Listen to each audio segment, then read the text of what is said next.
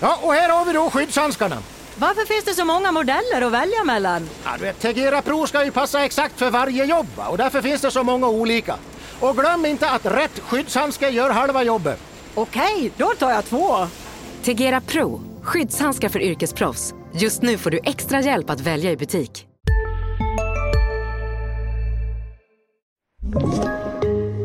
Ännu en hockeyvecka har passerat och som vanligt, Sanny och Svensson är tillbaka med avsnittsnummer Robin Jonsson och Björne Bjuling.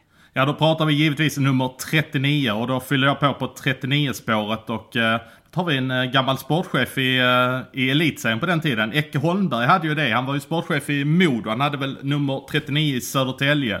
Fortsätter på Modospåret och tar eh, Tobias Enström. Han fick ju 39 när han kom hem till Modo här nu för något år sedan. Och sen en spelare som jag ändå måste nämna, även om du kanske inte gillar att jag lyfter upp honom. Han som avgjorde match 7 mot Timrå i kvartsfinalen 2007 med nummer 39 på ryggen, Per Svartvadet. Oh, det smärtar fortfarande. Det smärtar fortfarande. Två andra 39 som har gjort avtryck i SHL. Jonas Nordqvist i Brynäs framförallt, där han vann SM-guld. Och Jukka Voutilainen. Han var ju en så stor del av HVs framgångar. Och det fruktade powerplayet med Johan Davidsson och Martin Törnberg i spetsen.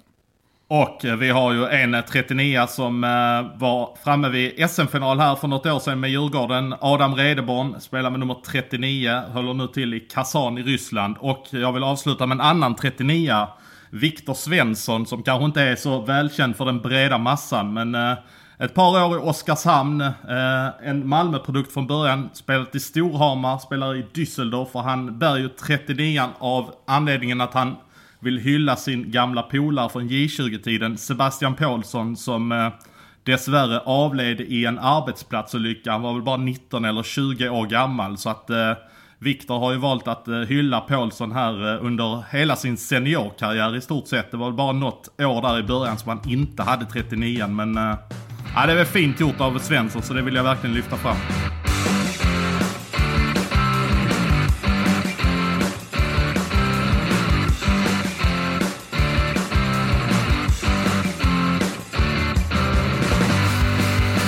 Skönt med, med måndag igen när man får sitta och podda med dig Svensson. Ja men du, nu måste jag avbryta dig. När du säger sitta här, för då, då hörs det ju att du, att du läspar lite lätt sådär. Kan du berätta varför du gör det? För jag ser ju på dig varför, varför du gör det, men det gör ju inte de som lyssnar. Nej, och de kommer förmodligen höra det, så det är väl lika bra att vi tar det direkt.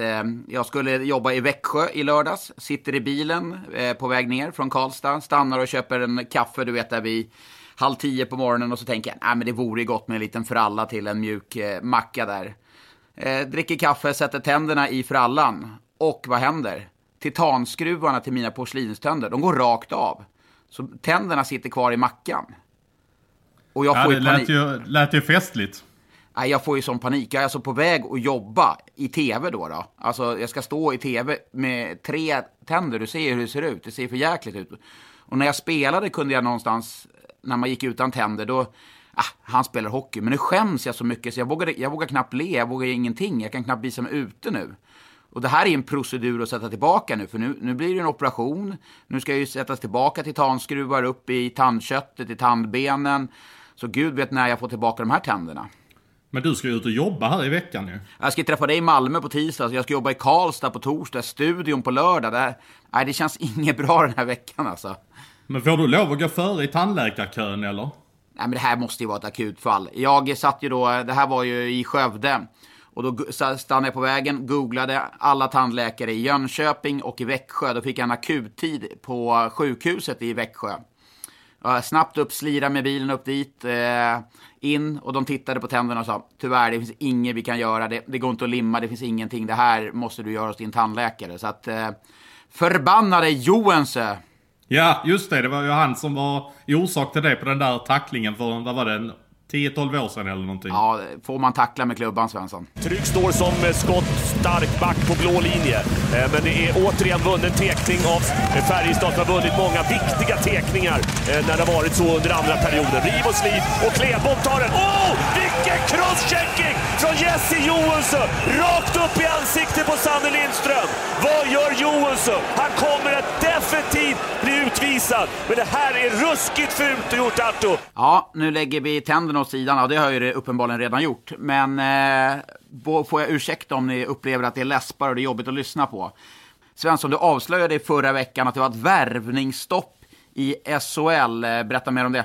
Ja, frågan är hur mycket värvningsstopp det är. Då kommer vi till det här med rekommendationer och, eh, och det här det, som, som det var i våras eh, också när det var ett så kallat värvningsstopp. Utan det är så här att klubbarna har ju kommit överens genom sina klubbdirektörer att nu får vi på något sätt begränsa oss inför säsongen 21-22 så att vi inte skriver några kontrakt som börjar belasta klubbarnas ekonomi helt enkelt. Så man, det, det sker under eget ansvar men alla 14 klubbdirektörer var ju helt rörande överens om att nu sätter vi någon form av broms på det här för att vi vi ska veta var vi står någonstans. Och det, jag kan tänka mig att vi uh, har det här kanske in tre, fyra, fem veckor, någonting i den stilen. För att vinna lite tid helt enkelt. Jag tror inte att man ska dra så stora slutsatser av det. Klubbarna måste ju ha trupper inför nästa säsong.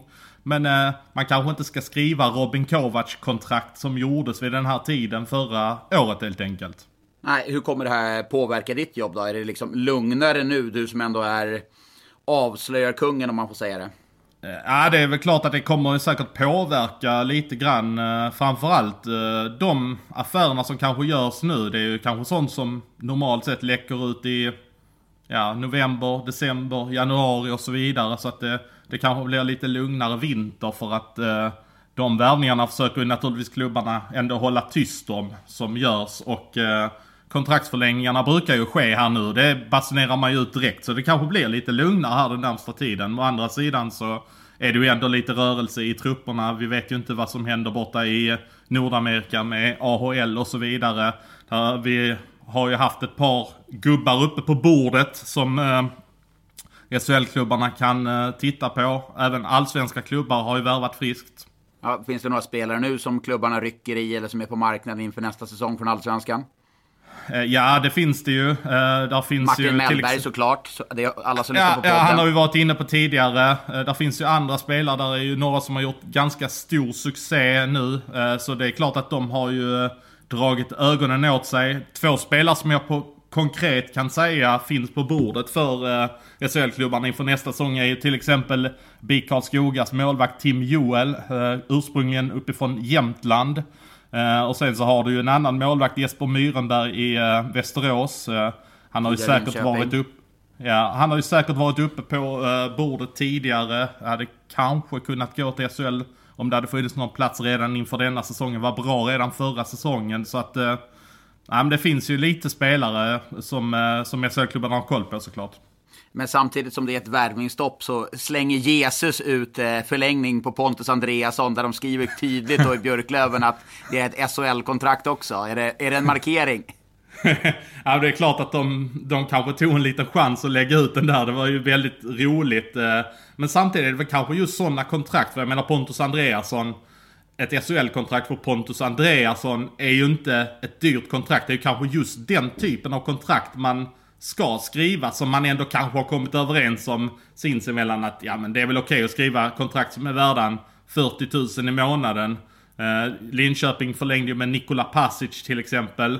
Som går på sitt sista år som rookie. Men det är inte så att han har kommit upp i några monstersummor. Utan han kommer ju få ligga på en ganska låg lön. Så vad jag vet så var det ändå såklart eh, färdigt innan det här stoppet kom. För annars hade det kanske varit lite väl provocerande att komma med det direkt dagen efter. Ja, de får inte värva, men man får ju sparka spelare och jag, jag undrar om inte Färjestad skulle ta och sparka Jonathan Blammen då, eller vad tycker du? Är du förbannad nu? Ja, jag ser på dig att du bubblar här nu. Du, ja, jag har pratat med dig redan under veckan här och, och då vet jag att du har varit irriterad på det här. Ja, nej men eh, Jonathan Blum, backstjärna i fjol i Färjestad. Ledande back, en av de bästa offensiva backarna i serien.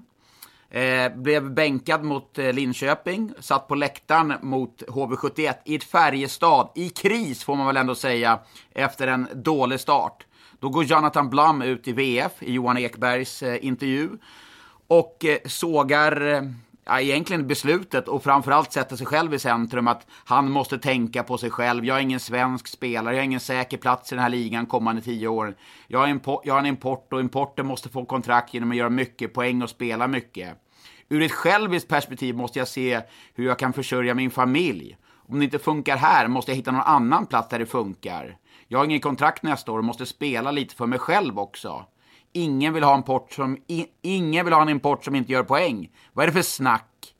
Nej, men Hur hade, hur, men alltså, hur hade du reagerat om du hade eh, konkurrerat med honom eller om han hade varit din polare i laget och ni hade inlett på det sättet? Ja men allvar, jag hade, jag hade tagit honom och, och rakt inför hela omklädningsrummet frågat vad fan han håller på med. Ursäkta att jag svär, jag vet att jag inte ska göra det i, i podd eller tv-sammanhang. Men allvarligt, håll käften på dig. På riktigt. Alltså det där, det är inte acceptabelt. Och nu, ska, nu, nu får man ha två tankar i luften.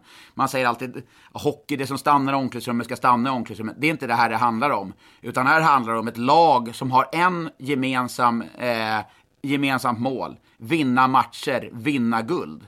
Och då Ja, men han ut har ju inte det målet. Han har ju mål att han ska komma vidare i sin karriär. Det säger han ju öppet ju. Ja, precis. Och vad är, vad är det för inställning? Och hur, hur kan du då motivera att spela honom framför andra spelare, speciellt när han inte är speciellt bra?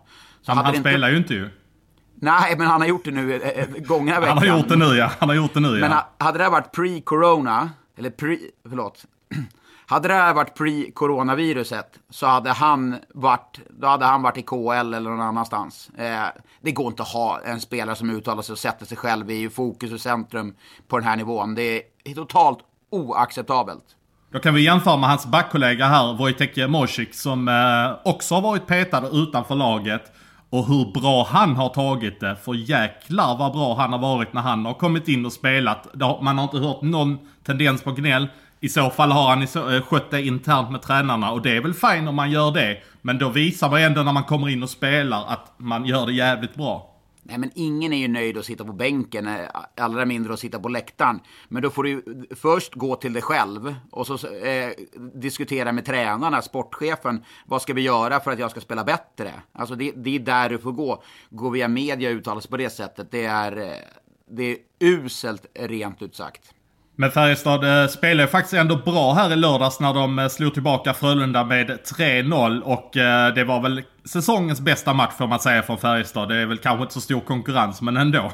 Nej, det var en bra prestation sett över tre perioder och Arvid Holm i målet gör det ännu en bra match. Han var ju storspelade ju mot Skellefteå i, i torsdags. Eh, och det som är, eh, jag har ju också, jag återkommer till det, jag har också varit i Färjestad och var i ett läge när det var kris och vi mötte just Frölunda. Komma in i de matcherna, just den här rivaliteten, vi skojade lite i fjol när Frölunda kallade det för derby. Men det finns ju den, de känslorna kring matcherna. Då kan du liksom lägga någonstans historik och allting åt sidan och bara fokusera här och nu. Och det, det gjorde Färjestad, tycker de spelade jättebra sett över en, he, en hel match och fick igång fler spelare också. Och något helt unikt hände. Ja, kanske inte unikt, men det händer ju inte ofta att Roger Rönnberg berömmer ett motståndarlag på det sättet. Nej, men han är... Eh, jo, men det, det, kan, det kan hända ibland. Alltså, han, han är nyanserad. Jag tycker han är en av coacherna som klarar direkt efter en match att vara ganska balanserad. Trots förlust, trots att han är besviken, så tycker jag att han kan vara ganska...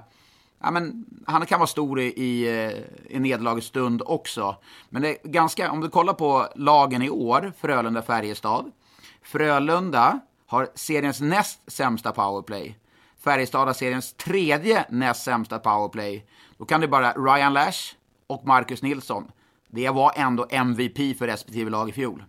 Ja, det får man verkligen säga. Eh, de har ju inte alls hittat ersättare för det. Man, man brukar ju säga när sådana spelare försvinner, ja men då får andra kliva fram. Lite, lite fler spelare får kanske göra de poängen. Då, det är väl ett, ett tydligt tecken på när man känner att man inte har ersatt en spelare. Nej, det, det är ju lite så. Och I Frölunda finns det ju, jag menar, de har ju Lucas Raymond som ska spela i lite den positionen fast de får ett annat, annat spel. Det, det finns ju kompetens medan Färjestad, eh, Jakob Nilsson har inte alls fått någon utväxling där som har varit svag inledningsvis. Men eh, de kanske hade behövt en Kim Rosdahl.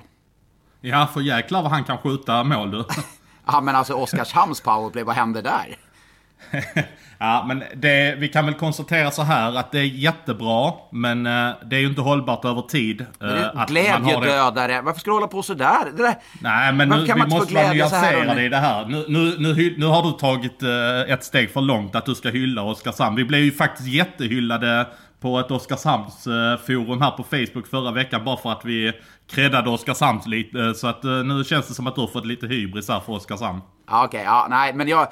Här och nu, det är helt underbart. Men jag, eh, jag, jag förstår precis som dig, de ligger på eh, 42-43 procent i powerplay. Eh, och det, det, är såklart ohållbart över tid. Men att man har haft det inledningsvis så starkt powerplay och kan bygga självförtroende med Pontus Nässén. Hur bra är inte han i, på back? Han ser ut som en, en uppgraderad Joel Persson just nu. en uppgraderad Joel Persson, ja. Ja men, det ja, men han är bra Pontus Nässén och de, eh, de har ju faktiskt trott på honom hela tiden. Eh, han kanske inte var redo för steget från ettan direkt till Oskarshamn. Det var ju meningen att han skulle stå och skjuta på blålinjen i Hockeyallsvenskan där och så gick de upp till SHL så då fick han lite tid i Mora här förra säsongen och eh, det har gjort honom gott och nu står han och bombar på eh, blålinjen. Smäller väl in två baljor mot Leksand till exempel. Ja, och hans eh, höftöppningar, slagskottspassningar på blå är ju, det är en fröjd att se. Nolan Sajak som är så, så vass i den spelformen också. Så att, ja, kul, kul Oskarshamn, busa till det lite och när de går så pass bra, ett lag som vi pratade eh, redan förra veckan, kanske såg som en räddningsplanka, det sätter ju än mer press på ett lag som HV71. Och du var ju med när Malmö mötte HV71 i torsdags och tittade på den matchen. Och vad var dina bestående intryck av HV71? Ja, där kan man ju verkligen säga att de eh, fick leva på sitt eh, powerplay. Eh, det såg faktiskt jättebra ut, deras powerplay. Eh, de hade jättemycket läge, kom till eh, många bra lägen. Alexander Bergström hade väl säkert fem läge där han valde att leta passning istället. Och det lyckades ju vissa gånger att de letade, letade, letade och hittade ett bättre läge. De sköt ju igenom centrallinjen två gånger till Fredrik Forsberg som bara kunde trycka dit puckarna. Eh, och det var ju det de vann matchen på. Eh, annars var jag inte alls imponerad av det HV71 visade upp under framförallt första perioden. Det såg ut som att det saknade all form av tanke och jag ska säga det att hade inte det stått 1-1 inför period 2 så tror jag inte att HV hade rest sig där från det för att eh, den hade faktiskt Malmö kunnat ha en 3-1 kanske inför eh, period 2. Då tror jag inte HV hade rest sig utan de levde lite grann på att de kom undan med blotta förskräckelsen och sen eh, eh, löste de det då med eh, powerplay i andra perioden. Men du, jag slänger in en lä läsarfråga direkt från LJP 1970 från Twitter här. Vem åker först? Alltså vem får sparken först? Niklas Ram, Joakim Fagervall eller Bert Robertsson? Det kan inte fortsätta så här i HV, Malmö och i LOC. Nej, men då kan man ju säga så här att det är givetvis en jättebefogad fråga. Att eh, det, kan, eh, det ser illa ut på sina håll och kanter i de här klubbarna som man nämner. Det är helt rätt. Men eh, i det här läget så det finns Nej. inte på kartan att de gör det med tanke på att de har precis anställt Ram i HV som huvudtränare. Malmö har precis anställt Fagervall och Bert skrev de ett treårskontrakt med när han ja. kom. Så han har ett år kvar efter eh, detta. Så att eh, det är väl i så fall Bert som ligger närmst. Men Linköping har inga pengar kvar så att... Eh... Nej, och där lyssnar jag på vår kollega Adam Johanssons podd med general manager Niklas Persson. Och eh, han har ett grundmurat förtroende för Bert. Så att det är jag tror inte ens att det är en fråga. Jag tror att de sitter nog ihop. Ska Bert sparkas så skulle även Niklas Persson sparkas. Eh, jag tror det är på den nivån faktiskt. Så jag tror inte heller att det kommer hända någonting i de här klubbarna den här säsongen. Det tror ju förvisso inte jag att de hänger ihop på det sättet. Det är förvisso Pajens värvning, men eh, märker han att, eh, att det inte funkar med Bert så kommer han kanske vara tvungen att göra det. Och han, det är inte så att de sitter ihop på det sättet, utan eh, Måste han ta det beslutet så får han ta det beslutet. Det är en del av att vara general manager, så jag inte ja. säger det andra ordet. Nej, precis. Du, du lär dig någonting. Det tar, det tar tid att lära en gammal hund att sitta. Men om vi då ja. fortsätter på Joakim Fagervall. Vad ska han göra i Malmö då för att få fart på det här lite? Ja, men alltså det som blir tydligt när man ser det här Malmölaget är att jag har skickat till dig en screenshot på den laguppställningen Malmö hade när de kom sexa i serien och spelade kvartsfinal mot Frölunda. Alltså tittar man på det spelare för spelare så är det ju inte mycket för världen. Men det, det, det blev väldigt slående vilket jobb Peter Andersson verkligen gjorde med det laget. Ja, men så är det ju. Han fick ut kramade ur max ur samtliga spelare. Men det, åter till min fråga, vad ska Joakim Fagervall göra? Ska han krama ur max från alla spelare eller är det, är det några som ska spela mer, mindre? För värva går ju inte att göra nu. Nej, alltså nu har de försökt få in Joe Veleno här i förra veckan och eh, gjorde debut eh, och eh, såg väl ganska okej ut men sen försvann han mer och mer så man får ge det tid. Men eh, det som jag skulle säga för eh, Fagervall att göra här nu det är att han, han måste vara alltså snudd på vidrigt eh, i defensiven. Alltså det måste vara, det måste verkligen vara back to basics så det bara sjunger om det i det defensiva. Det, man får inte, eh, det får inte falla utanför ramen på något sätt och sen så handlar det väl lite grann också om tvillingarna Westerholm är ju särade till exempel i powerplay. Och har man nu investerat ett treårskontrakt i tvillingarna Westerholm så kan inte jag begripa varför Patrik och Pontus Westerholm inte spelar powerplay tillsammans. För de levererar ju faktiskt poäng utan att de gör det. Patrik har gjort fem poäng på sex matcher och Pontus har gjort fyra mål på sex matcher. Och det är, det är faktiskt starka papper sett till hur det har blivit för dem. Men vad, alltså, den, om jag ser det eh, i bröderna Westerholms eh, karriärer så har jag alltid hållit Patrik före Pontus. Ja, men så är det. Men där har ju Pontus hamnat lite i skuggan för att de värvade Jan Mikael Järvenen och tog in Joe Veleno. Och sen så ska de ju tvunget ha Händemark in styrande roll från högerkanten. Vilket han kanske klarar av, men jag tycker den rollen ska ju definitivt vara ämnad för en sån som Patrik Westerholm som eh, faktiskt fick stå där i Frölunda när de vann SM-guld. Så han har ju bevisligen någonting där. Så att där, där tycker jag faktiskt att de gör helt fel att inte spela Patrik Westerholm i powerplay. Han måste in där till varje pris. Ja, det är ett krav. Svensson sätter krav. Eh, det ska bli intressant. Jag kommer ner som sagt till Malmö och du pratar om defensiven. Det blir tuffast möjliga eh, test då mot ett starkt Frölunda som lär vara revanschsugen och blivit nollade mot Färjestad. Ja, Frölunda förlorar två matcher i rad. Det händer inte ofta. Jag var i Örebro i eh, torsdags och såg Luleå som inte imponerade på mig. Eh, du såg Malmö mot Luleå. Det var väl ett, ja, en maktuppvisning ska jag vilja säga från Luleå där va? Ja, men vet du vad som slår mig nu? Att du såg Luleå två gånger här nu innan jag såg Luleå. Och eh, när du såg Luleå så såg de inte alls bra ut. Men när jag såg Luleå så såg de jättebra ut. Så att du kanske ska sluta se Luleå då. Jag, jag har sett dem i, eh, innan Malmö-matchen så gjorde de tre raka matcher. Och de förlorade två och vann en på straffar. Så jag, jag, ska nog inte, jag är nog inte jättevälkommen att jobba med Luleå igen. Det är väl alla deras poängtapp på hela säsongen va? Korrekt. Korrekt. Ja. Nu ska jag följa Ja, Luleå men- resten men- av säsongen.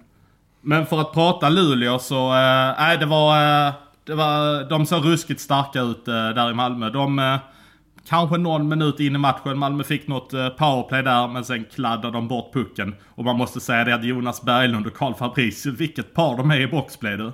Ja, det, är- alltså där, det, där jobbas det. Det jobbas, kämpas lite. Det, de är über alles hela tiden. Ja, och sen så eh, var de ju skoningslösa i powerplayet. De behövde inte mycket. Där är så många spelare som är inne i zonen så att säga. Bara en sån som Isak Brännström. Hur bra vad- har inte han blivit? Men blir spelarna bra av att spela under bulan eller bo i Luleå? Alltså, eller fick han, Luleå värvade honom i, i rätt tid. Han fick ju lite ett genombrott där i, i slutspelet när- när HV71 åkte ut mot Färjestad i sju matcher. Ja men Brännström, ja men precis. Han var ju faktiskt bra där eh, redan i slutspelet. Så jag tror att eh, ja, men det gjorde nog honom gott att få komma upp där. Eh, komma ifrån. Jag vet inte om han har bott hemma, om eh, Niklas bodde kvar i Jönköping. Så det är anledningen till att han var i Jönköping. Men får få komma någon helt annanstans, eh, börja om helt från början. För han hamnar ju i ett fack i HV där han var ganska långt ner i laget. Nu får han spela powerplay och får spela med bra spelare. Så att det, det är klart att det har betydelse att han har fått komma till en helt ny miljö. Sen kanske Bulan har sitt i det naturligtvis. Eh, du fick då se eh, Tyrvinen, Olausson, Klasen, den kedjan man satt ihop. Hur, hur stod sig de mot Malmö? Eh, jag skulle nästan säga att det var det mest anonyma som Luleå hade. Det var väl snarare att det var Einar Emanuelsson, Connolly var bra i powerplay. Jag såg inte alls mycket från, från Klasen. Jag pratade lite med Klasen efter matchen. Han var, alltså det sken om honom att få vara tillbaka i Malmökorridoren. Han- Och han sa till mig att tänk om man hade tränat när man var här nere. Med bra självinsikt ändå. Ja men det är det ju. Alltså det, han ser sjukt harmonisk ut Klasen. Det gör inte honom att inte han producerar några poäng utan det här är ju en spelare som onekligen har mognat som människa. Ja, det var min, jag var uppe och gjorde reportage med honom här för två veckor sedan och det var min bestämda uppfattning om honom också att Visst att poäng är viktigt, men det känns inte som det är avgörande. Utan han sa, jag är här, jag är här för att vinna. Jag, jag har inte vunnit i min karriär, jag ska vinna. Ja, och jag tror att han har en väldigt god chans att få göra det i detta laget. För de kommer bli svårslagna över sju matcher när vi väl kommer dit såklart. Och då blir ju Linus Klasen som löken på laxen. Äter du lök på laxen? Var kommer det uttrycket ifrån? Det finns väl ingen som heter lök på lax? Ja, det låter väldigt konstigt. Ja, under tiden jag såg Luleå här eh, nere i Malmö så var du i Växjö 20 mil norrut och eh, kollade Brynäs för andra lördagen i rad. Du var ju väldigt imponerad av det Brynäs-lag och det drivet de hade i laget när du var i Luleå. Nu fick du se ett Brynäs-lag som torskade med 5-1. Såg du samma driv och passion i båset denna gången också? Eh, drivet och passionen finns där. Eh, eh, ledarna jagar på dem. Stråle, Peter Andersson. Det var ingen skillnad. Jag tyckte inte att spelare...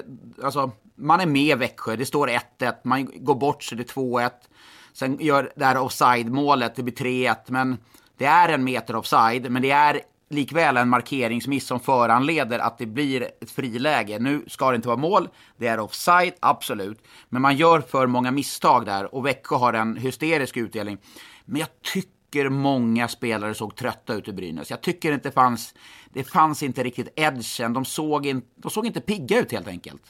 Nej men det har väl ändå sin förklaring för att uh, Peter har ju ändå ökat träningsdosen för spelaren. Så någon gång måste ju det komma ett bakslag på det där. Man känner ju Brynäs är lite som en... Någon som går två steg fram, ett bak hela tiden. Så att det kommer lite sådana saker som kommer hända här under säsongen. Ja, och, och jag, jag, jag, drar ingen större växlar av det här. Men en sån som, som Emil Molin som jag tyckte, oj, han, han känns bra i Luleå. Jag gillar Emil Molin och Eh, tycker att det är en spelare som ska kunna leverera match efter match på en hög nivå. Han såg trött ut. Eh, jag ska såklart inte spekulera huruvida han hur tränad eller om han ens är skadad, men han såg inte ut att ha något bett. Han såg, han såg, jag står ju mellan bås och kommenterar. När han kom på isen, han såg trött ut. Han hade inte alls någon ork. Nej men det har jag sett på Emil Molin tidigare. Det var förvisso första säsongen när han kom tillbaka från skada att, uh, att det har varit lite sådana tendenser. Emil Molin är ju inte den skarpaste skridskoåkaren på det sättet. Utan han ska ju vara en skicklig spelare och stå och diktera villkoren lite grann i powerplay. Då är ju han som bäst. Det är ju inte han som åker snabbast direkt. Nej, och eh, två som inte åker snabbast det är ju eh, Rosén och Gynge i Växjö. Det känns ju som vi har pratat om det här... Eh, skiftet uppe i Skellefteå med de äldre spelarna som eh, Joakim Lindström och Möller och Berggren och Wingeli med flera och Frödén som har tagit över. Jag säger inte att det är samma sak i Växjö, men det är Emil Pettersson, det är Jack Drury och lyssna vad jag kommer säga nu. Forsbacka Karlsson. Oj! Jättebra ja. match. Den kedjan, superbra. Pontus Holmberg, grym. Fredrik Karlström, bra. Eh, Marcus Sylvegård gör ju det han ska göra. Rosén och Gynge, Martin Lundberg. Ja, där finns det mer. Så att, även om jag, jag gillar det jag ser av Växjö, framförallt backsidan som är mycket, mycket, mycket rörligare, mer passningsskickliga, eh, har haft dålig effektivitet. Men jag har inte trott stenhårt på Växjö inför säsongen. Men det jag såg i, i lördags och det jag sett här tidigare mot Frölunda och matcher dessförinnan, det finns något där. Det finns något.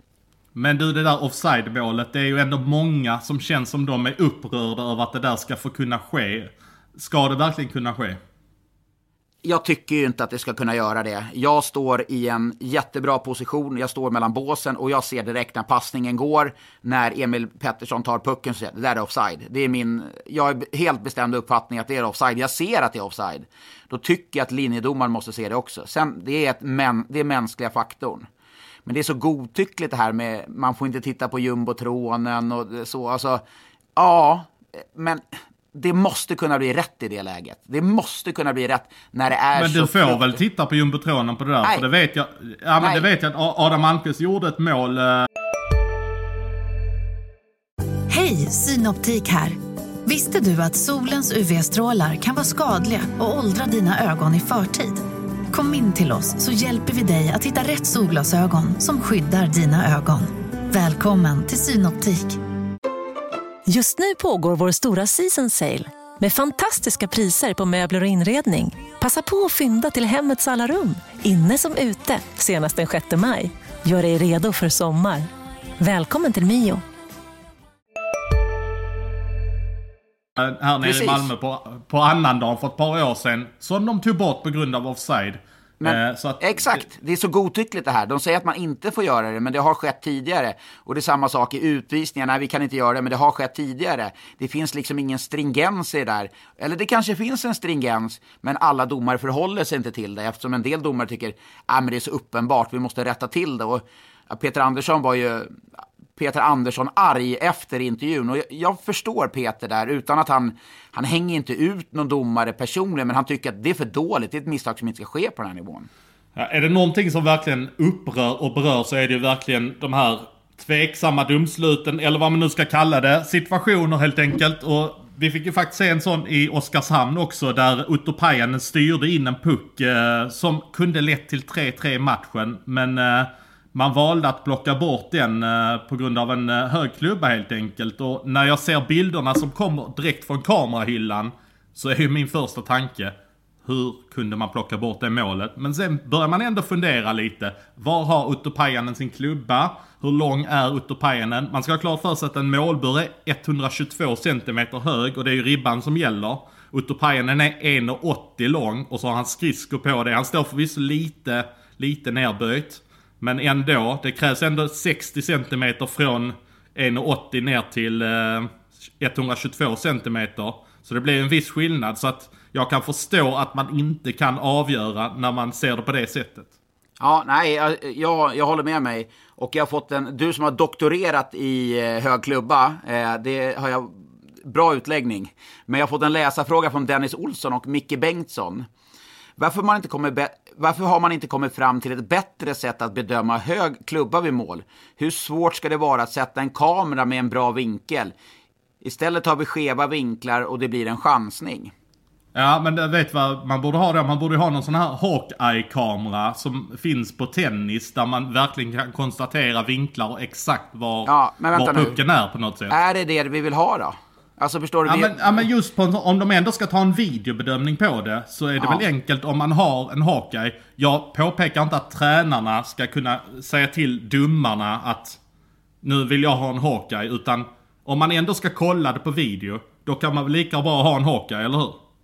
Ja, men ja, jo absolut. Jag, jag, jag säger emot mig själv lite. Rätt ska vara rätt, absolut. Men samtidigt är vi inne på det här spåret att ja, vi hade en halv skena som var inne i målgården. Det ska dömas bort som man var, det som man varit inne på. Då tyckte man, det, det får väl bli fel ibland. Ja, nu är vi där. Det som jag vart, inte upprörd, men som folk upprördes mycket av, det var ju att situationsrummet som har startat ett Twitterkonto för att vara mer transparenta, de gav ju ut information att beslutet på isen kvarstår och Och, domaren då- och då reagerar man. Då reagerar man för beslutet på isen är ju faktiskt att domaren pekar på målet. Ja, och sen eh, då när jag har kollat runt lite så säger de i efterhand att de ändrade beslutet efter att ha konfererat tillsammans domarna. Men de gjorde samtidigt inget tecken på det. Så det, det blev ett fel. Och jag förstår ju då när situationsrummet har dragit igång ett Twitterkonto, vilket jag ser egentligen som positivt för att vara transparent, då blev det ju platt fall direkt. För det, det fick de ju emot sig direkt när eh, man kunde se att domaren pekade på mål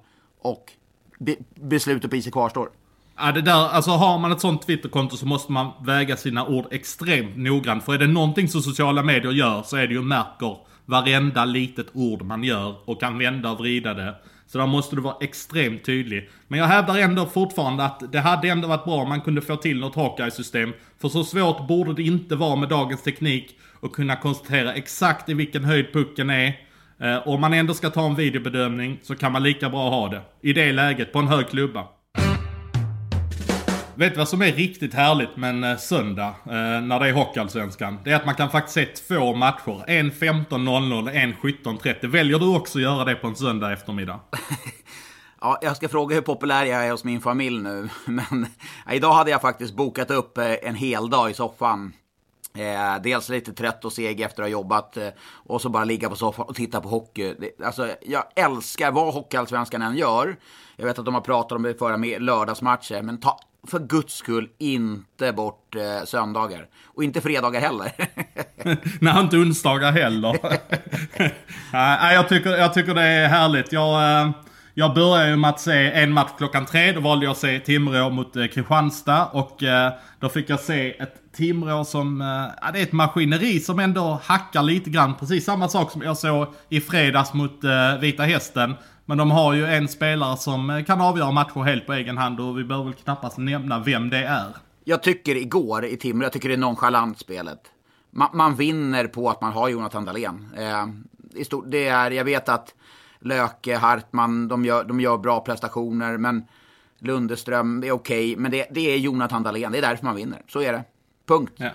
Senaste fyra matcherna som Dahlén har spelat har han gjort tre poäng per match. Han har gjort 12 poäng på fyra matcher. Ja, nu leder han ju poängligan också. Ja. ja det är, alltså han är magiskt bra. Och jag fattar att folk ifrågasätter vad ska han göra i Hockeyallsvenskan. Men den diskussionen behöver vi kanske inte ta riktigt utan han vill spela upp Timrå och ge den sista chans och, och det får han väl göra då.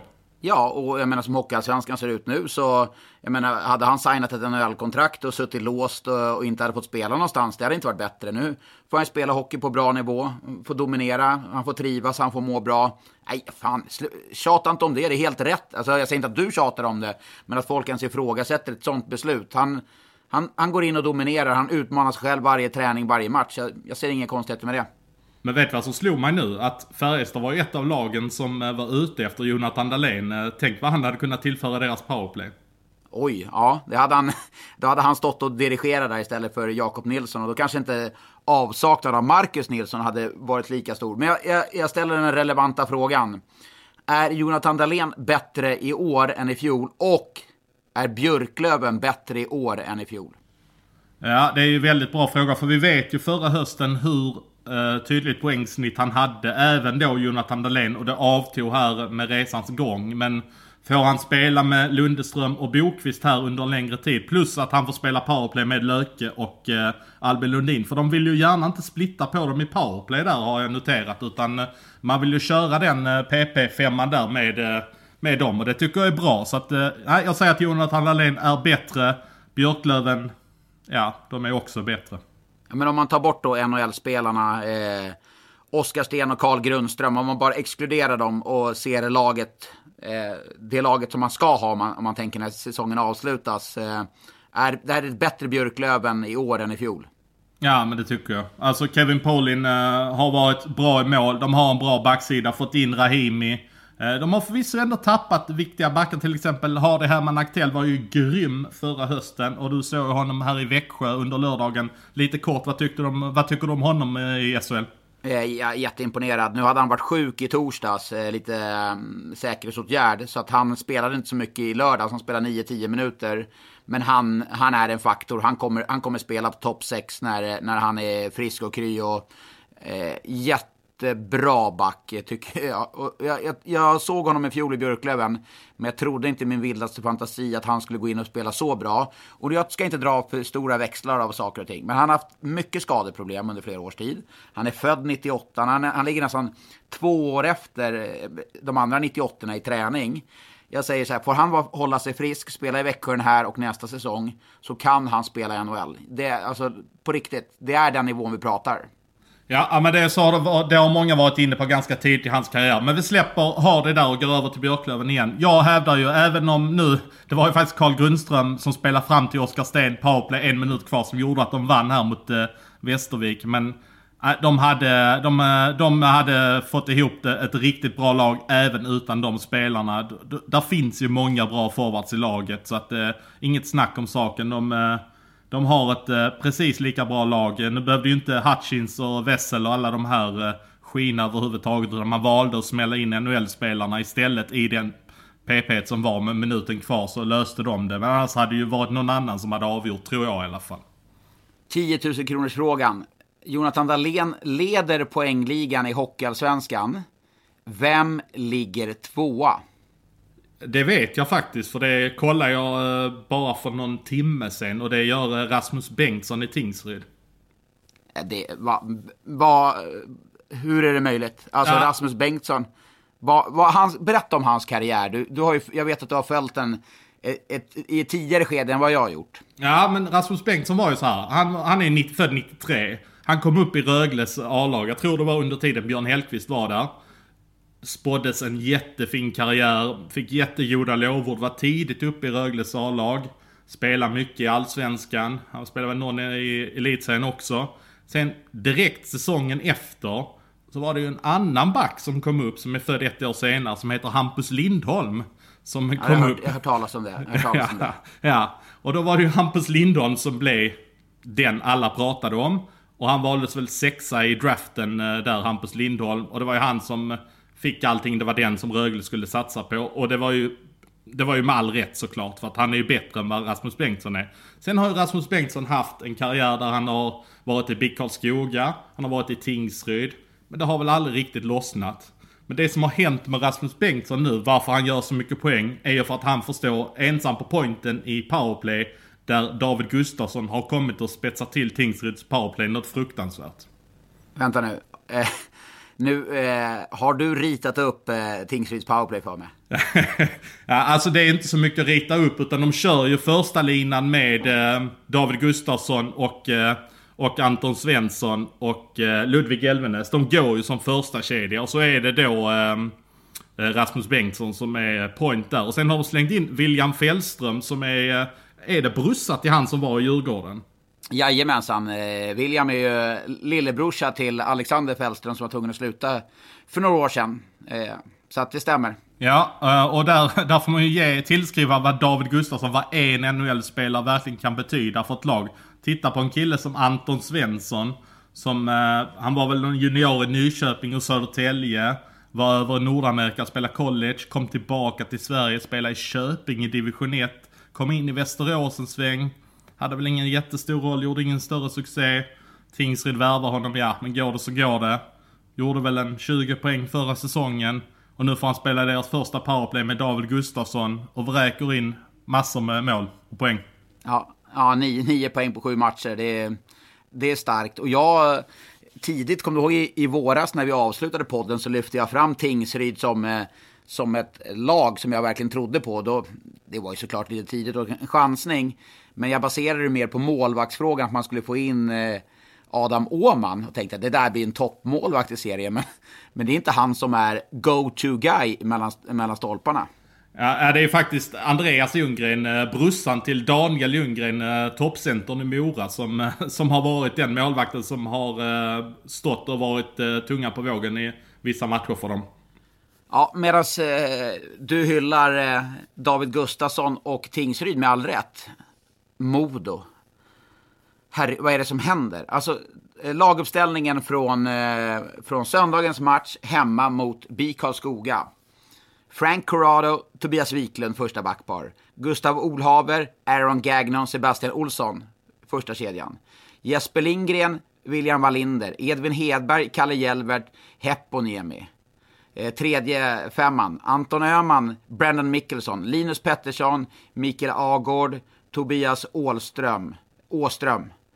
Eh, fjärde, Jesper Dahlroth, Magnus Häggström, Max Tjärnström och Daniel Sylvander. Filip Svenningsson, extra forward. Hur kan det här modolaget spela så fruktansvärt dåligt? Ja, det kan man fråga sig. För jag, jag såg början av den matchen innan jag slå, äh, slog över till Björklöven-matchen. Och äh, ja, de skapade ändå en del i första perioden. De, äh, de rullade upp dem ganska fint i powerplay där. Och hade Jesper Lindgren bara skjutit ett direktskott på, äh, på en passning han fick där så hade de ju lätt med 1-0. Och då hade den här matchen tagit en helt annan ja, vändning. Men okej, okej, okej, okej. Jag, jag såg förstår du, vad du såg vill komma. försvarsspel, försvarsspelet på 2-0 målet? Ja, ja jag, Alltså, jag- jag vet var du vill komma. Jag vet var du vill komma. Jag, jag fick spola tillbaka och kolla, var det boxplay? Alltså var det tre mot fem? Nej, det var fem spelare som stod och tittade på. Alltså det, det, nej, det är riktigt dåligt. Nu ska, jag ska inte sparka på någon som ligger och jag vet att säkert många Modosupportrar där ute som är väldigt frustrerade. Men nej, det, här är, det här är illa mina vänner. Alltså det här, det ser riktigt, riktigt illa ut. Men vi pratade ju faktiskt Modo och Ville Nieminen för bara en vecka sedan. eh, Och då hade de, de har ju faktiskt vunnit en match här i veckan som gick mot, eh, mot Kristianstad. Ja, och då tänkte man, ja men en, en liten boost här. eh, Hemmamatch, Karlskoga. Eh, nu ska vi ha respekt för att Karlskoga har ju spelat bra på slutet. Men spe, alltså på den nivån, ja, det, det, är- det är för dåligt helt enkelt. Det är... Eh, eh, jag undrar vad det där kommer ta vägen. Och det är klart att man har, efter fjolårssäsongen, då har man ju rätt stora förväntningar på dem. Och Modo, rent historiskt, lever ju med en press på sig och komma in som ett topplag. Ja, men jag tycker vi tar vid med eh, lite frågor på det. Det har ju kommit in väldigt många funderingar. Vi har haft uppe mycket redan här nu under tiden vi har pratat. Men eh, Joel Westman som jag vet är en stor eh, Bofors-supporter. Han eh, vill att vi ska lyfta upp Henrik Björklund, Gustav Torell och Alexi Rekkonen i eh, BIK Karlskoga. Eh, såg du någonting av dem när, eh, när de mötte Modo? Eh, ja, alltså Björka, det går ju att prata hur mycket som helst om honom. Men det måste vara en av svensk hockeys största tjurskallar. Alltså han är ju... Säger, säger till, till att han inte klarar någonting, då ska han göra det. Han har en sån enorm vilja. Jag tycker han personifierar mycket av det Karlskoga står för den här säsongen. Ja, och sen har vi ju Alexi Rekkonen som, eh, som jag flaggade för eh, ganska tidigt när BIK Karlskoga värvade. Han eh, gjorde ganska mycket poäng i finska ligan, visste ingenting om honom, men eh, han har ju onekligen levererat. Han snittar över en poäng per match och den gamla räven Gustav Torell som styr och ställer när de spelar powerplay, han eh, han gör ju också sitt. Han har faktiskt gjort nio poäng så här långt och eh, är det någonting Gustav Torell man vet med honom så är det att han alltid levererar sina poäng säsong efter säsong och där har vi en som har ett stort hjärta för klubben precis som Henrik Björklund. Mikael Isaksson är en trogen lyssnare, han ställer ofta frågor. Den här är till dig Johan. Johan, du som kan Malmö väldigt bra, känns det inte väldigt ledarlöst i truppen? Alltså ledare i spelartruppen? Ja, men den är ju befogad för det var ju faktiskt en fråga som eh, som jag tror bekymrade dem lite grann inför säsongen att eh, det var därför man till stor del värvade Oliver Lauritsen för att man kanske saknar den här naturliga ledaren i laget och man kanske förväntar sig mer av en sån som Emil Sylvegård som har ett A på bröstet, har gått upp i lön inför denna säsongen och eh, Emil Sylvegård står inte alls att känna igen. Jag undrar vad som har hänt med Emil Sylvegård för att eh, Nej, jag, jag känner inte alls igen honom. Eh, han, det, det, är ingenting som fungerar för Emil Sylvegård just nu, tyvärr. Nej, och där är jag beredd att instämma. Han, han är inte ens med i det fysiska spelet involverad på samma sätt som tidigare. Jag menar, i lördags fick han ändå spela med, med eh, kapten Händemark och eh, visserligen en ganska kall Johan Olofsson, men det, han bidrog inte med någonting. Och det, det är sällan, jag har sagt det tidigare med Emil Sylvegård, han står ändå i match efter match för någonting. Jag, jag ser inte det nu. Ja, men jag tar en fråga från Malin Karlsson eh, som eh, frågar. Det gäller då Färjestad. Vad betyder vinsten mot Frölunda för Färjestad efter den svaga inledningen på säsongen? Hur bygger man som lag vidare nu? Det har du faktiskt gjort i den klubben. V eh, tagit er upp från en eh, dålig säsongsinledning och vunnit en match och byggt vidare på. Så hur bygger man vidare nu? Man, nu vet man eh, vilket jobb som krävs. Man vet i grunden alltid det, men man får det svart på vitt när man gör det som man gjorde mot eh, eh Frölunda. Man täcker skott. Oskar Bäck där på slutet av matchen. Han täcker skott, offrar liv och lem. Eh, han, alltså, spelarna spelar på ett helt annat sätt. Man, I närkampsspelet, man jobbar i färdiga situationer. Och därifrån kan man bygga, okej, okay, ska vi bli framgångsrika så är det exakt det här spelet vi ska spela. Oavsett om det är Frölunda, Oskarshamn, Växjö eller nu på torsdag Örebro vi möter. Det är exakt så här eh, vi måste spela. Och nu har man fått liksom ett facit på hur det kan gå när man gör det. Och därifrån bygger man helt enkelt vidare. Hur skötte sig en sån som Jonathan Blam då? Okej. Okay. Eh, han gör eh, inte mycket väsen av sig. Han spelade mm, inte så mycket för sig själv, han spelade med laget, tänkte jag säga. Nej, men jag ska ta om det. Ja, han eh, gjorde okej. Okay. Han eh, stod inte ut åt något håll, varken för eller emot. Eh, tidigare under säsongen har han ju kostat en del baklängesmål, det gjorde han uppenbarligen inte nu, men bidrog inte speciellt mycket i övrigt heller. Harald Mattsson ställer frågan, vad kostar det att låna in spelare som Nardella och Veleno och så vidare? Och om det är så billigt, varför gör inte fler lag samma sak? I och med att det handlar om klassspelare. Ja, bra fråga. Eh, vad jag hör så eh, kostar de här spelarna inte särskilt mycket utan det handlar i stort sett om vad ett rookie-kontrakt kostar och då pratar vi väl mellan 23 25 000 i månaden för eh, den typen av spelare. Och som eh, svar på frågan varför inte fler gör det så handlar det väl mer om vad NHL-organisationen vill. De vill ju ha stora roller till de spelarna som kommer hit. Eh, man sätter inte dem var som helst. Att att till exempel Leksand skulle få in Joe Veleno tror jag inte att Detroit hade velat för de vet att Marek Rivik är den som är första center. Han spelar i alla viktiga moment. Detroit vet att Fredrik Kendemark kommer försvinna. Så då blir det en centerplats högt upp i laget. Eh, Likadant är det en sån som Moritz Seider. Han hade kunnat hamna i andra SHL-lag. Men här gjorde Detroit ett noggrant val att eh, här kommer du få spela med eh, Eric Jelina eh, och det är den bästa backen han kunde få spela med i hela laget. Du kommer få en stor roll. Och då valde man att spela honom i Rögle istället. Så det ligger jättemycket på NHL-organisationen. Samma sak med Djurgården där med Nardella. Att eh, där eh, ser man att eh, Björnfot kommer att försvinna och man ser att Djurgården är i skrikande behov av den typen av spelande back. Och därför får han spela i Djurgården. Bara fylla på om Morris Seider där. Två matcher. Sett väldigt, väldigt bra ut. Det kommer att bli en... Han är redan en bra back, men det kommer att bli en klass klassspelare för dem eh, framåt våren. Helt övertygad om det. Vi, vi, tar en sista fundering här. Det är faktiskt från två stycken och det gäller Brynäs. Eh, uh, börjar med Joel Högberg. Vi måste prata om er som start på säsongen. Det är bland det bästa jag sett. Och då vill jag även lyfta in det som Nilla skriver. Att eh, hur ser vi på Brynäs underliggande siffror? De har brutalt låg kurs i kombination med extrem effektivitet. Beror detta på fokuset på försvarsspel på bekostnad av anfall? Eh, och ser ni något i spelet som gör att Brynäs kommer att förbättra Corsi? Tack för en mycket bra podd.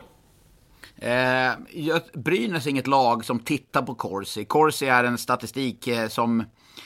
Alltså jag ska inte säga att den försvinner, inte på något sätt. Men de, de räknar nog lite på annorlunda sätt. De eh, tittar mer på farliga lägen inne från skottsektorn, nära, nära på mål. Där 94 procent av målen någonting uppskattningsvis vet jag görs i en viss sektor. Och där tror jag att Brynäs ser mer än skott som sker långt utifrån plan. Men det är klart att Brynäs har tagit så pass mycket poäng för att Samuel Ersson har varit så bra.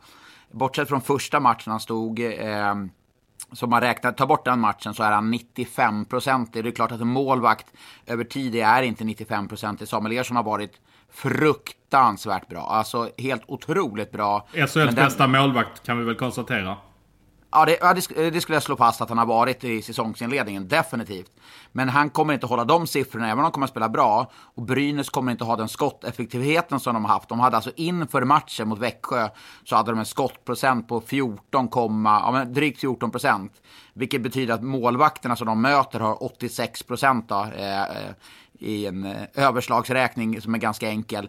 Och målvakter generellt ligger på 91-92 procent. Så det är såklart att när man sätter de siffrorna i relation till varandra så kommer inte Brynäs ha den effektiviteten. Så Brynäs är ett lag som har tagit mer poäng än vad, så bra som de har spelat.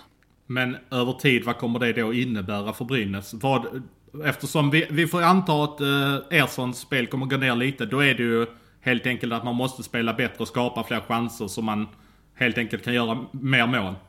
Exakt, komma till fler chanser och det, det tror jag att det är eh, någonting som Brynäs jobbar på dagligen. Eller såklart att man gör det. Men här handlar det om, du sa själv, ett steg fram, två tillbaka, två fram, ett tillbaka. Här handlar det om att det är ett helt nytt spel, ett levnadssätt som ska sättas för Brynäs. Och då kan man inte förvänta sig att från dag ett att det sitter. Jag tror, eller jag är övertygad att det kommer bli bättre över tid. Om vi ser de här siffrorna efter jul kommer det vara annorlunda. I mars kommer det vara annorlunda, för att inte prata om hur det kommer se ut om ett eller två år. Så att det är en, det är en resa Brynäs va, va, Vad var du på väg att säga nu för ord? Resa. Ja, okej. Okay, du, sa, säga, du säger nej, inte nej, nej. Jag, jag, kan inte säga det andra ordet. Utan tänder är det ett helt omöjligt ord att säga, kan jag ja, säga. Okej, okej. Okay. ja, för jag såg vad du var på väg att säga, men du, vi undviker det. Eh, men du, nu eh, har vi faktiskt lovat här sen eh, två veckor tillbaka att vi skulle komma igång med någon form av tävling här mellan varandra. Och jag har faktiskt förberett en tävling här nu. Och förra säsongen så var vi på jakt efter spelare tänkte jag, eh, ja men tänkte bredda det lite här nu så att eh, man kan få välja lite grann vad man vill tävla. Om man vill tävla om en spelare, kanske en klubb, eller en säsong, eller ett årtal. Så du får fyra olika saker som du kan välja på. Alltså det är en riktigt utökad På spåret här nu. Du har bara får välja två. Men nu får du välja av fyra olika saker. Vad väljer du? Klubb. Jag du väljer en klubb. klubb. En klubb, mm. okej. Okay. Men, eh, och så skriver du på en lapp här så att uh, alla får tävla hela vägen ner här. Vi kör fem ner till ett poäng då. Är Correct. du beredd? Jajamensan. Ja, då kör vi. På fem poäng. I denna klubben som bildades 1921 är Håkan Persson en evig hjälte. Supporterföreningens ordförande heter Rasmus Holm. Vad Nej, nej, nej, det är Rasmus Holm. Nej, det, det säger mig ingenting. Nej, då tar vi. På fyra poäng. Den här klubbens kanske mest legendariska seger genom alla tider utspelade sig i Globen 1993 när man slog Djurgården med 10-1 i Globen. Ja, men det, det var ju... Ja, men den... Det skriver jag. Ja, fyra, fyra poäng. Ja, du tar dem på fyra. Mm. Vänta. Tio... Vann de inte med 12-1? 10-1 vann ett lag med i oktober Ja, men- 1993 mot Djurgården i Globen. Ja, nej, alltså, jag kommer svara. Jag kommer svara. Men Ja. jag är rädd att det kan vara... Nej, jag kommer svara. Ja, tar vi tre poäng. Sista gången som du mötte detta laget i din karriär var säsongen 2012-2013. Då fick ni stryk med 5-2. De placerade sig på 12 plats den säsongen i elitserien och åkte sedan ur. Men de kom tillbaka 2015 igen. I taket hänger tröjnummer 1, 9, 13, 19, 25 och 26. Känner du dig mer säker nu på ditt svar? Jag känner mig väldigt trygg, för i den matchen, 5-2-matchen, så missade jag faktiskt öppet mål också. Oj, ja men då, eh, då vet vi det. Då kör vi vidare på två poäng för de som inte har listat ut det. Det här är Jonas Bergqvist moderklubb eh, som förra säsongen placerade sig trea i SHLs grundserie. Den bästa placeringen som klubben någonsin har tagit. Och på en poäng. BK står inte för bollklubb utan det står för bandyklubb men de spelar såklart ishockey. I Catena Arena. Och vilken klubb är vi ute efter? Rögle, BK. Ja, exakt. Eh, vad var det du tog det på då? Nej, jag kommer ihåg den matchen, 93 där, men jag hade för mig att det blev 12-1. Men det blev 10-1 alltså. 10-1 blev det ja. Tror det Ja, var i jag oktober chansning 93. där. Ja, jag, för jag vet att det var eh, runt, runt den tidsperioden och jag vet att det var mot Djurgården i Globen. Och Djurgården brukade inte förlora så stort på den tiden. Men jag hade för mig att det var 12-1, men då var det 10-1. Eh, vilken smakstart av Lindström! Ja, det får jag ge dig. Det var riktigt bra. Men jag, jag hade kanske lite på känn att du skulle veta det. Du, var ju en, du bodde ju ändå i Stockholm på den tiden. Så att, eh, ja. Men du, eh, vi kan ta igenom ledtrådarna lite grann också. Klubben som bildades 1921 det bildades i Rögle BK. Och Håkan Persson, eh, som du inte visste vem det var, den här eviga hjälten, vad, vad han hade gjort. Det var han som sköt det avgörande sudden death målet när Rögle klev upp i elitserien den 3 april 1992 efter 4-3 mot Sudden, eh, i Sudden mot Leksand. Ja, han är eh, deras eh, Brock Montperit. Precis. ja, så kanske man kan säga. Ja, men bra smakstart på, på det här och så får du väl hitta någonting till mig nästa vecka. Du har ju fyra olika du får välja på här framöver så ska jag försöka ta det också. Ja, klubbar, årtal, spelare eller, Eller en, säsong. Eller en säsong. Ja, men härligt. Gött att vi i tävlingen är tillbaka. Ja, precis. Vi får se vem som eh, vinner den säsongen. Det är dags för mig nu tycker jag. Ja, nu ska jag skynda till tandläkaren. Vi hörs framöver. Hej! Ja.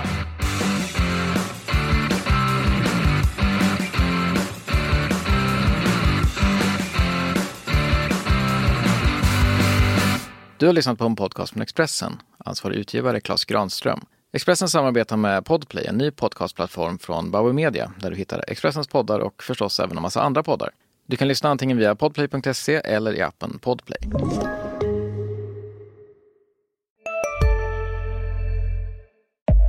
Upptäck hyllade XPeng G9 och P7 hos Bilia.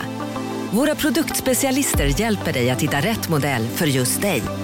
Boka din provkörning på bilia.se xpeng redan idag. Välkommen till Bilia, din specialist på XPeng. På Sveriges största jackpot-kasino går hypermiljonen på högvarv. Från Malmö i söder till Kiruna i norr har hypermiljonen genererat över 130 miljoner exklusivt till våra spelare. Välkommen in till Sveriges största jackpot-kasino, hyper.com. 18 plus, regler och villkor gäller.